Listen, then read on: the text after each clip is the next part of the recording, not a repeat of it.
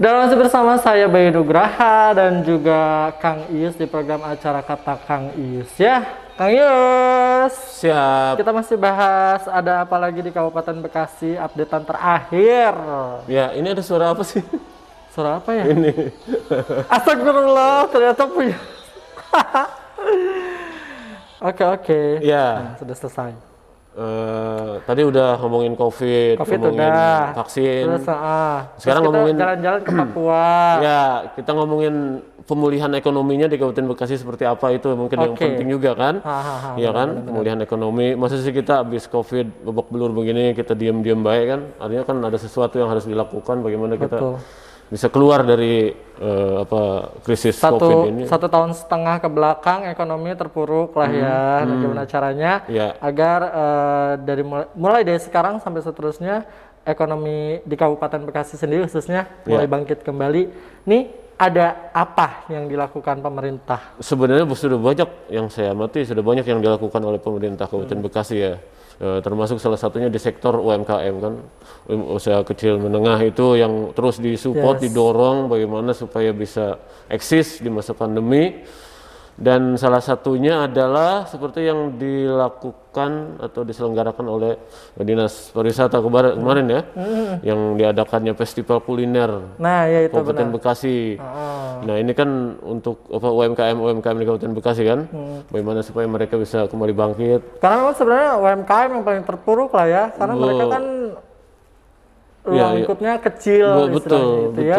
Betul. Kalau perusahaan-perusahaan besar mungkin mereka masih punya saving, tapi Iya. kalau kayak UMKM kan dia kecil jadi ya mau nggak mau memang harus bangkit lagi. Ya betul itu Eh, dan eh, ba- banyak banyak langkah yang sudah dilakukan, misalnya kan kerjasama eh, pemerintah daerah dengan apa apa tuh minimarket minimarket, Minimarket, ya. minimarket, nah Ya, iya. itu kan banyak produk-produk UMKM Kabupaten Bekasi yang dijajakan melalui eh, apa PMK Bekasi melalui Dinas Koperasi misalkan dan UMKM itu Eh, ada berapa itu? Pokoknya banyak lah Bahkan kalau nggak salah diminta langsung ya setiap Iya. supermarket tuh harus mendisplay Hmm. uh, UMKM UMKM dari Kabupaten Bekasi. kan secara kualitas eh, apa minimarket kayak Alfamart atau Indomaret mau menerima produk UMKM Kabupaten Bekasi bukan karena menghargai Pemda. Oh, nggak enak nih sama Pemda bukan begitu kan? Karena mereka juga oh, ketat juga kan seleksinya kan bagaimana produk itu bisa masuk kan mungkin ada standarisasinya kan Betul. standarnya harus ini ini ini, ini gitu kan Berarti secara langsung ya berarti produknya pun berkualitas. oh iya betul Kenapa termasuk sampai bisa masuk ke situ. Iya, misalnya produk-produk itu aja yang di Muara Gembong ya, Hmm. produk-produk makanan apa kuliner dari mangrove, itu kan banyak macamnya kan. Bisa jadi makanan, bisa jadi minuman. Heeh, ter- ada dodol mangrove, ada keripik, ada Iya. wah, segala macam itu kan. Nah itu eh, termasuk yang lain-lainnya juga dari daerah lainnya juga Eh, itu terus didorong bagaimana supaya bisa bekerja sama. Termasuk juga UMKM bagaimana bisa bekerja sama dengan kawasan industri kemarin yang sudah dilakukan dengan Hyundai kalau nggak salah ya. Nah itu juga Bapak Pemda juga kan memfasilitasi bagaimana supaya eh, produk-produk atau kebutuhan-kebutuhan industri itu bisa dicukupi oleh barang-barang yang bikinan UMKM Kabupaten Bekasi kan. Macam apa tuh? Apa tuh? Apa namanya? Lap, Eh, majun. ya? majun. Majun ya. Majun. Nah, Ah. iya kan? Kalau nggak salah maju. Iya, buat ngelap-ngelap oli apa segala macam kan. Nah, misalnya Mas Bayu juga kalau misalnya perlu dielap bisa mengisi. Coy, kotor dong saya Kang. nah, eh, UMKM UMKM di Kabupaten Bekasi sendiri kan banyak ya ya. Setiap daerah juga pasti variatif kan beda-beda.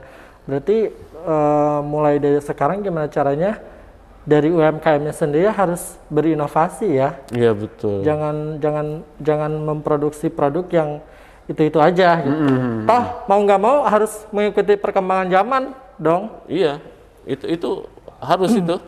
Jadi kalau misalnya termasuk eh, produk-produk UMKM yang sudah lolos seleksi masuk di apa minimarket, itu kan kualitasnya harus benar-benar dipertahankan kan? Betul. Ya, untuk yang lainnya juga pasti kan ngerasa wah masa ini bikinan UMKM A misalnya kan kita juga punya UMKM ya kita juga harus bisa membuktikan bisa membuat produk-produk eh, sejenis itu eh, atau mungkin lebih kreatif lagi yang bisa dijajakan di outlet-outlet eh, apa minimarket minimarket modern kan itu kan sangat membanggakan ya Di luar Kabupaten Bekasi lebih bagus lagi. Iya betul. Dan dan mungkin eh, apa ya warga Kabupaten Bekasi juga ada ego juga kan. Pengen lihat sih yang mana sih ini yang bikinan Bekasi kan. Oke. Gitu kan. Mungkin mereka eh, akan lebih memprioritaskan memilih barang tersebut ketika belanja di eh, Alfa atau Indomaret kan, wah ini oleh-oleh asli Bekasi ada di sini gitu kan.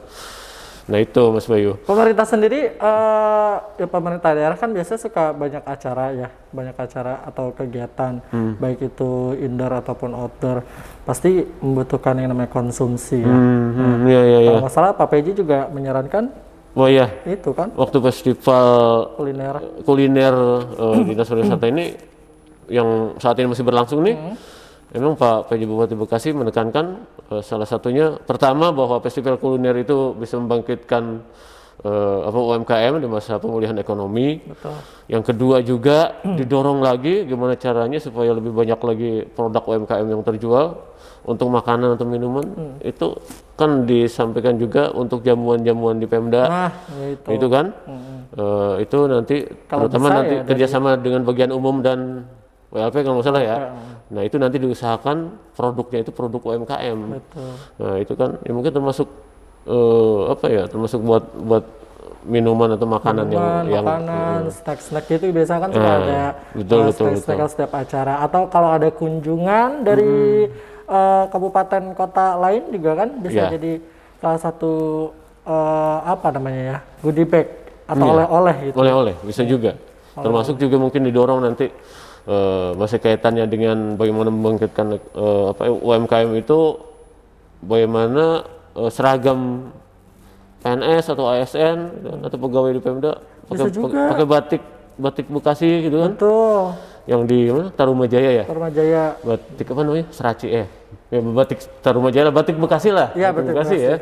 Nah batik Bekasi itu juga kan eh, bisa juga dilakukan seperti itu jadi dan dengan juga ya. Mm, jadi dengan dipromosikan terus menerus itu otomatis ya kalau misalnya pegawai Pemdanya pakai batik Bekasi masyarakat juga nanti pasti banyak yang ikut kan? Betul. ya tinggal nanti bagaimana mendorong uh, pa- para pengrajin batik di Kabupaten Bekasi ini supaya bisa lebih maju lebih berkembang.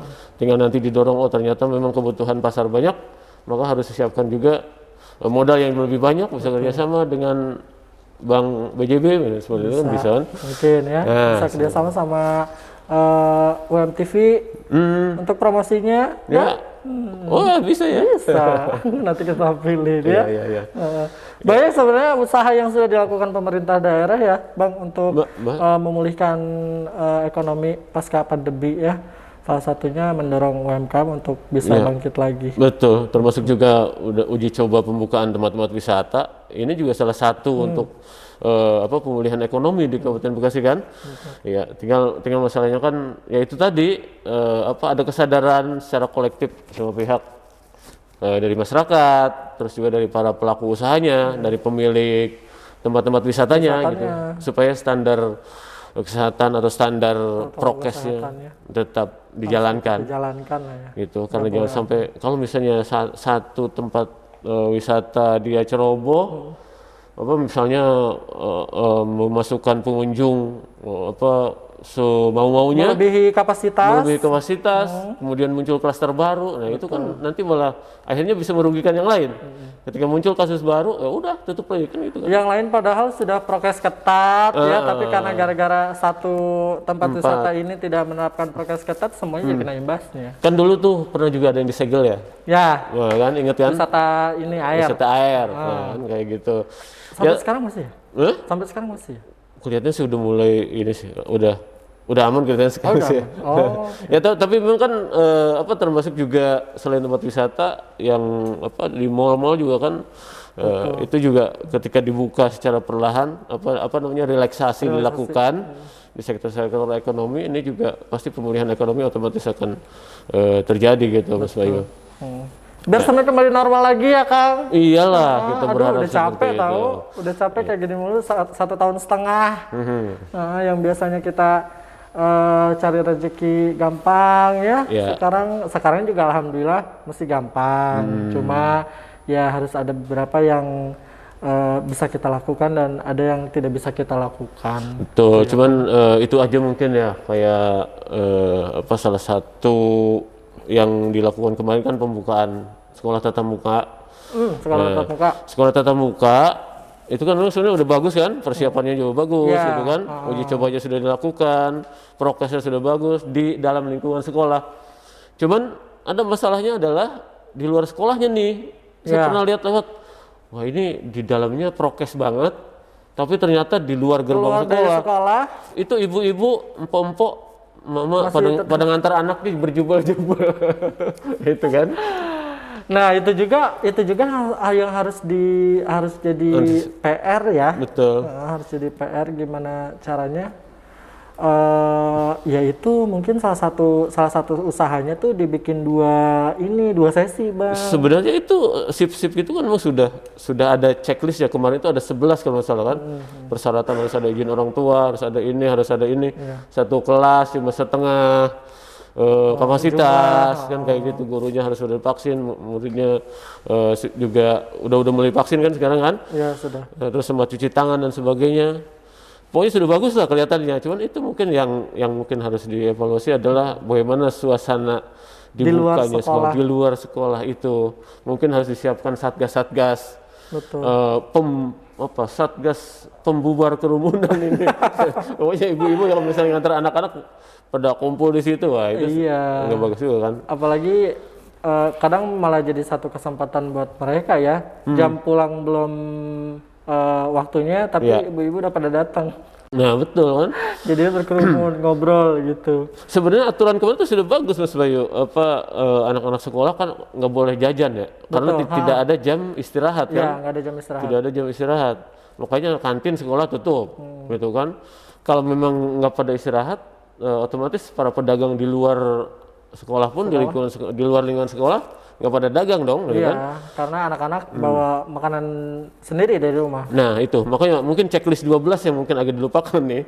Bagaimana eh, apa menjaga ibu-ibu nih yang nganter Pada saat jemput Ya, dan eh, antar. Nah, itu kan. Kalau ada juga mungkin ibu-ibu yang apa datang di situ nongkrong, terus eh, ada lagi ibu-ibu yang lain ketika terjadi kerumunan ya muncullah tukang dagang tambah berkerumun lagi. kan kayak gitu. Eh, aware diri sendiri kali ya, kesadaran diri sendiri kali ya. Itu sih yang Kalau kayak harus gitu ya. sebenarnya itu. Makanya kembali euforia ini sekarang yang harus Benar. dijaga. Kita lebih baik negatif thinking kali ya daripada terlalu yakin oh kayaknya udahan nih covid gitu. Karena memang sebenarnya ya sama aja kayak penyakit-penyakit yang lain kan, COVID-19 Oh, iya, iya, iya, tuh. betul. Gitu. apalagi sekarang misalnya ngerasa udah divaksin lebih pede Mungkin pede aja, Iya. padahal nggak gitu konsepnya, beda lagi. anggaran buat beli masker udah dihilang-hilangin Iya. masker yang ada di rumah juga udah disobek-sobekin udahan udahan covidnya itu yang harus hati-hati lah. Jangan, jangan, jangan sampai ada eh, pemikiran ke situ ya. iya Ka- kalau kalau kalaupun misalkan gitu misalkan iya covid selesai gitu. Covid nggak ada gitu. Hmm. ya nggak ada salahnya. Nggak ada salahnya nggak ada ruginya sih. Prokes itu tetap tetap aja bagus tetap aja bagus. Kalau kita suruh cuci tangan ya bagus lah. Semakin bersih lah steril tangan kita kan. Benar. Gitu. Malah kemarin itu awas sepertinya memang kekhawatiran dari eh, apa dari pemerintah pusat sampai daerah dari presiden gubernur sampai bupati wali kota. Sampai sampai kemarin ada apel juga itu kan nyebarin lagi masker kemarin Iya. waktu Pak Bupati dengan apa BPBD Jawa Barat ya Jawa Barat. dan BPBD eh, Kabupaten Bekasi itu kan dibikin tim-tim khusus lagi untuk membagikan masker ke tempat-tempat keramaian ke pasar ke SGC dan sebagainya. Nah itu kan salah satu bagaimana untuk mengingatkan kembali masyarakat supaya jangan terlalu euforia kan kayak gitu. Jangan terlalu terbawa euforia ya. Betul betul. Karena memang sebenarnya covid itu ya masih ada gitu. Ya. Bukan bukan berarti dengan kita sudah vaksin dua kali kita nggak bisa positif lagi. Masih bisa kalau kitanya abai. Betul betul betul. Kayaknya seru banget deh hari ini. Iya.